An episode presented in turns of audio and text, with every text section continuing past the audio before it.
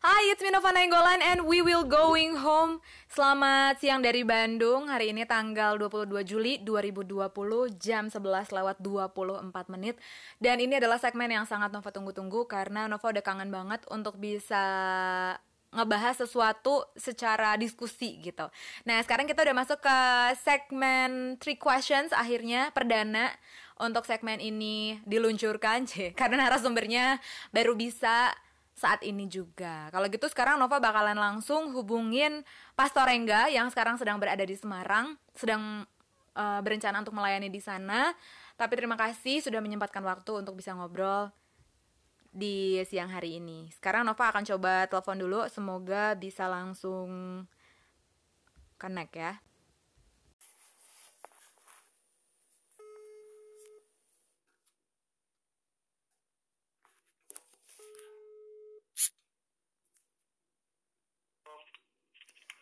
Shalom, hai Pastor Rengga. Oh, selamat sore. Eh, siang, mohon maaf, Anda cuma di Semarang ya, bukan di luar negeri. Oh ya, selamat siang. Gimana kabarnya Pastor Rengga? Baik, baik, dalam lindungan Tuhan. Puji Tuhan. Ini kita pinter acting ya, tadi padahal udah uh, teleponan tapi gagal karena ada kesalahan teknis. ya udah nggak apa-apa, bagus, bagus berarti udah pada jago acting. Kalau gitu, sekarang kita mau langsung aja masuk ke pembahasan ya Pastor Rengga. Ya, boleh. Yang akan kita rangkum dengan judul Alkitab sebagai firman Tuhan yang hidup. Di sini Nova udah siapin tiga pertanyaan yang nanti Pastor Rengga tentu saja harus menjawab secara Alkitabiah ya. Oke. Oke, pertanyaan pertama. Apakah Alkitab benar-benar berasal dari Allah? Nanyanya gitu banget ya, kayak lagi pertanyaan anak SD. Silakan, langsung dijawab. Oke.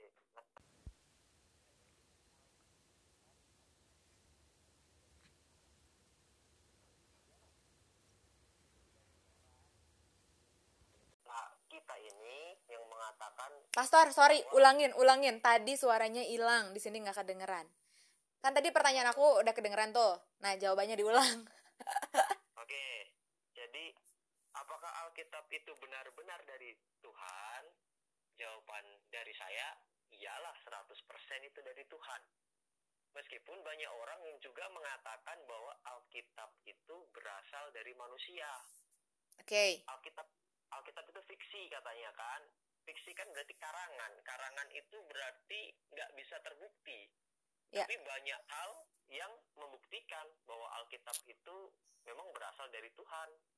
oke. Nah, kalau kita berbicara mengenai hal-hal yang ada di dunia, contohnya arkeologi, itu mendukung sekali bahwa dulunya nih, contoh, ada umat Israel keluar dari Mesir, Mm-mm. lewatlah laut. Ya. Ada arkeologi yang mendatangi tempat tersebut dan di situ terbukti bahwa di situ ada bangkai-bangkai dari apa namanya kapal-kapal Firaun.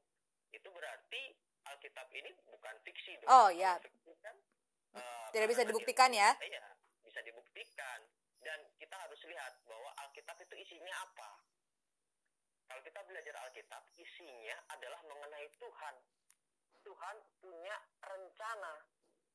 Jadi kalau kita belajar Alkitab, memang dari awal itu adalah keadaan manusia ataupun keadaan yang tiada dosanya. Kemudian akhirnya ada dosa dan nantinya di terakhir adalah kesempurnaan tanpa dosa. Dan itu berarti bahwa ada tujuan Tuhan itu untuk menciptakan Alkitab. Nah, kembali lagi ke pertanyaan tadi. Bagaimana Tuhan bisa menuliskan Alkitab? Ya memang penulisnya ini adalah orang-orang kudus ataupun orang-orang pilihan Tuhan yang sudah Tuhan tentukan dan dia diilhami. Nah, ilham ini berbeda ya dengan dikte ya. Kalau orang bilang gini, ah Alkitab itu bukanlah dari Tuhan karena tulisannya aja pakai bahasa manusia, bukan berasal benar-benar dari Tuhan. Nah, sekarang gini, dulu saya pernah eh, sekolah, Ya, mungkin yang yang dengar juga sekolah kan. ya, ya. Kalau ada guru mengatakan bahwa ini Bapak Budi, kemudian ditulislah ini Bapak Budi, ataupun ditulis gini, Budi sedang makan pagi. ya kita harus tulis Budi sedang makan pagi. Nah, ilham berbeda dengan dikte. Dikte, kita harus mengikuti apa yang dikatakan dengan guru kita. Nah, itu biasanya di dikte. Tapi kalau Tuhan itu ilham. Jadi contoh kalau di, uh, ada ilham dari Tuhan mengatakan bahwa Budi sedang makan pagi, penulis mungkin bisa mengatakan dengan gaya bahasanya sendiri. Budi sarapan. Nah, sarapan ini kan sama dengan makan pagi. Iya, iya, iya, betul. Nah, berarti Alkitab itu sebetulnya memang benar-benar dari Tuhan. Hanya para penulis orang-orang kudus ini mengekspresikan menurut keadaannya. Karena kita tahu bahwa penulis Alkitab itu ada petani, ada dokter, kemudian ada penjala ikan yang istilahnya apa e, mereka itu punya punya pengetahuan berbeda-beda, tapi itu diilhami sama Tuhan. Jadi Alkitab itu yang benar-benar dari Tuhan. Itu mungkin yang bisa saya kasih jawaban. Oke, terima kasih. Jadi pertanyaan pertama jawabannya demikian ya, Pastor? Iya. Baik. Pertanyaan kedua. Apakah Alkitab bisa dipercaya? Jadi uh, ini sedikit nih, aku kan pernah ngobrol sama beberapa teman dan mereka bilang bahwa oh, beberapa teman yang tidak percaya Alkitab ya tentunya. Jadi mereka bilang bahwa Alkitab itu kan um, udah lama banget gitu. Dari mana kamu tahu bahwa Alkitab itu bener tulisannya tuh yang dulu ditulisin sama nabi-nabi tuh itu yang kamu baca sekarang gitu. Apakah ya. memang masih bisa dipercaya gitu bahwa isinya tuh betul dari Tuhan yang diilhamkan ke nabi-nabi gitu? banyak banyak sih yang mengatakan seperti itu jadi ketika aku ikutin Tuhan eh malah hidupku kayak gini. Ya biasanya ada yang bilang kayak gitu. Iya iya iya. uh, kita coba kesampingkan uh, pemikiran seperti itu. Kita harus tahu dulu maksudnya Alkitab itu itu tuh apa gitu loh. Nah Alkitab kan adalah buku yang terdiri dari beberapa tulisan. Nah, tulisan-tulisan ini berisi mengenai ada sejarah, kemudian ada puisi, mungkin ada juga tentang apa namanya eh, surat-surat. Uh, yeah. Kalau kita belajar di Perjanjian Baru itu banyak surat-surat itu, surat dari Paulus ke jemaat-jemaat kepada uh, untuk anggota-anggota gereja. Kemudian yang perlu kita lihat adalah Alkitab itu juga berisi mengenai nubuat nubuatan. Nah, nubuatan itu adalah nubuatan ini adalah hal-hal yang akan digenapi oleh Tuhan. Jadi nubuatan berbeda dengan apa ya namanya uh, sejarah ramalan. Ah, ramalan. Ya, Oke. Okay. Kalau kalau ramalan biasanya gini nih. Contoh nih aku, aku orang yang meramal. Aku ramal Kak Nova nanti jam 5 dapat uang eh tiba-tiba Kak Nova nggak dapat uang. Nah, ramalan mungkin saja bisa meleset, mungkin aja bisa terjadi. Tapi ya. kalau nubuatan, saya mengatakan Kak Nova nanti jam 5 dapat uang 50 ribu. Kemudian waktu itu jam 5 saya datang kepada Kak Nova, saya kasih uang 50 ribu. Nah, artinya nubuatan itu yang mengatakan, yang melaksanakan juga.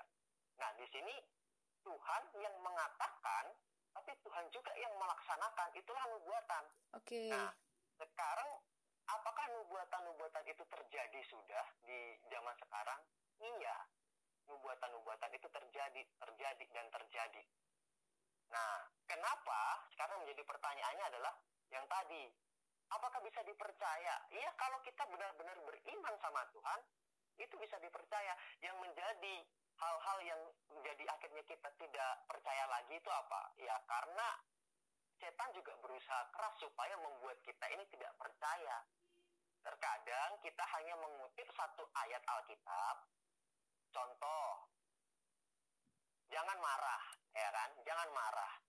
Tapi eh, bukti di di apa namanya di kejadian kita, di kehidupan kita, ya ada orang yang ingin membuat kita marah gitu kan. Yeah. tapi dibilang jangan marah tapi gimana ya dalam hati saya pengen marah juga.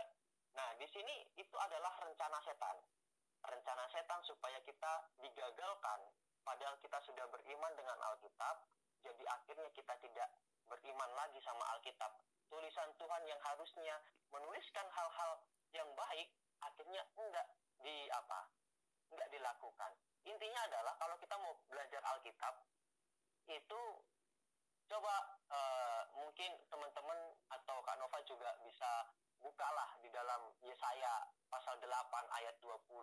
Di situ ada ada firman Tuhan mengatakan carilah, carilah pengajaran, kemudian kesaksian. Siapa yang uh, apa namanya? Siapa yang tidak berbicara sesuai dengan perkataan firman Tuhan, dia tidak akan terbit fajar. Nah, artinya ada janji. Kita tidak tahu janji itu digenapinya kapan. Iya. Nah, tapi Tuhan sudah berjanji, kalau kamu tetap beriman dengan saya, pasti akan apa? Akan ada berkat-berkat yang tidak terduga. Jadi harus dipercaya Alkitab itu. Harus mengimani dulu ya, Kak. Eh, Kak iya, Pastor, ya. Iya, harus diimani terlebih dahulu.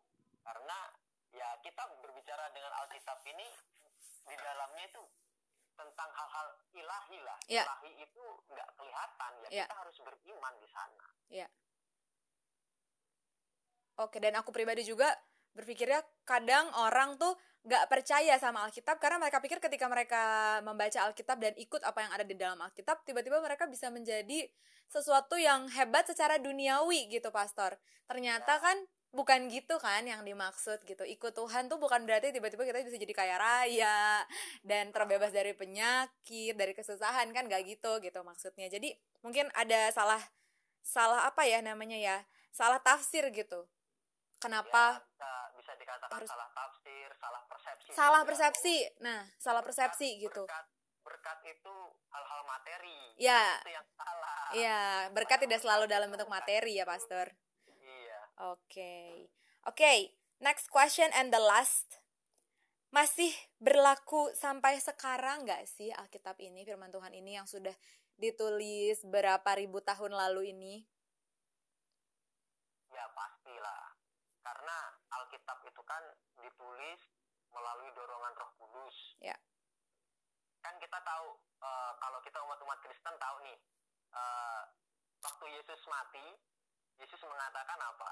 Aku aku akan memberikan engkau seorang penghibur. Penolong. Hmm. Nah, penghibur. Yeah. Itulah Roh Kudus. Nah, kita tahu bahwa Alkitab itu diilhami oleh Roh Kudus yang artinya Alkitab itu juga berbicara kepada kita.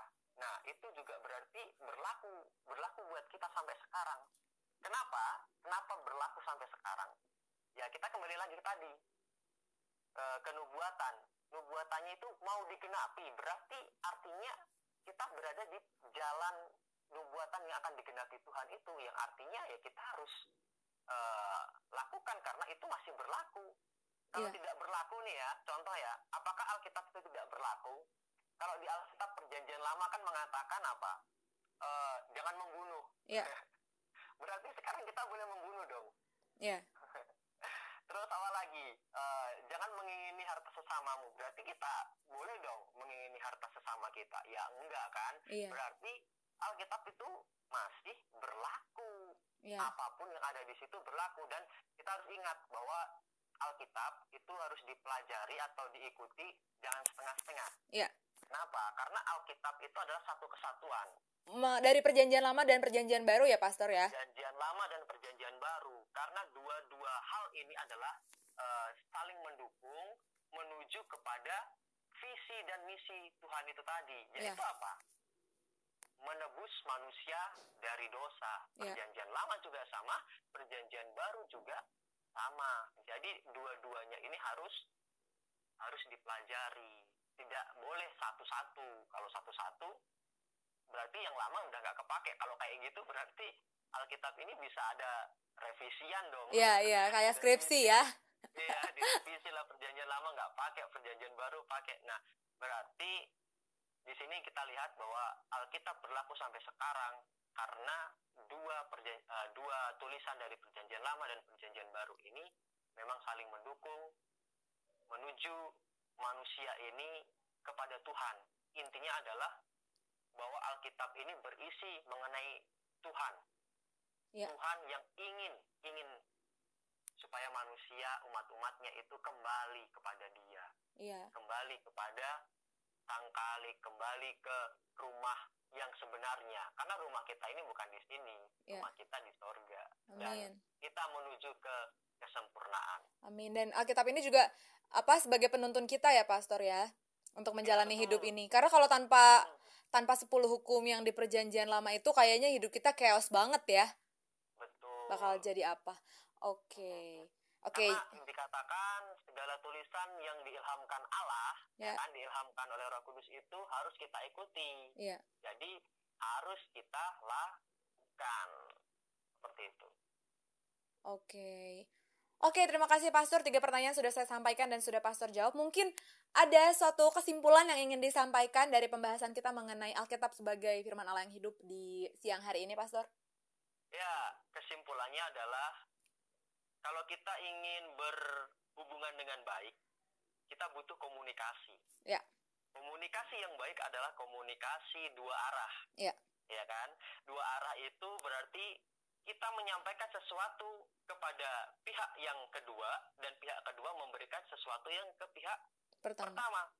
Nah, di sini kita bisa melihat, uh, kita bisa berbicara kepada Tuhan melalui doa, dan Tuhan memberikan uh, apa namanya firmannya itu melalui Alkitab. Jadi, kalau ingin tahu apa rencana Tuhan, bacalah Alkitab, karena Alkitab itu memang berasal dari Tuhan.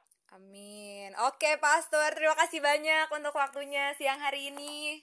Oke, Oke, Tuhan berkati Pastor. Bye-bye. Bye, thank you. Thank you.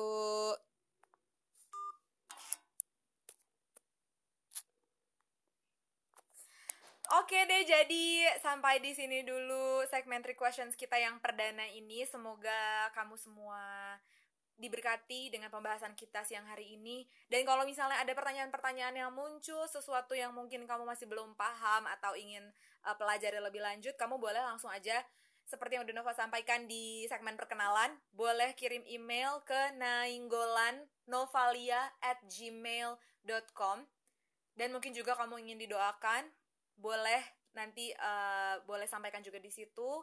Nanti Nova akan sampaikan juga ke teman-teman yang lain untuk bisa mendoakan bersama-sama pergumulan kamu atau kerinduan kamu untuk mengenal kebenaran ini lebih dalam lagi. So,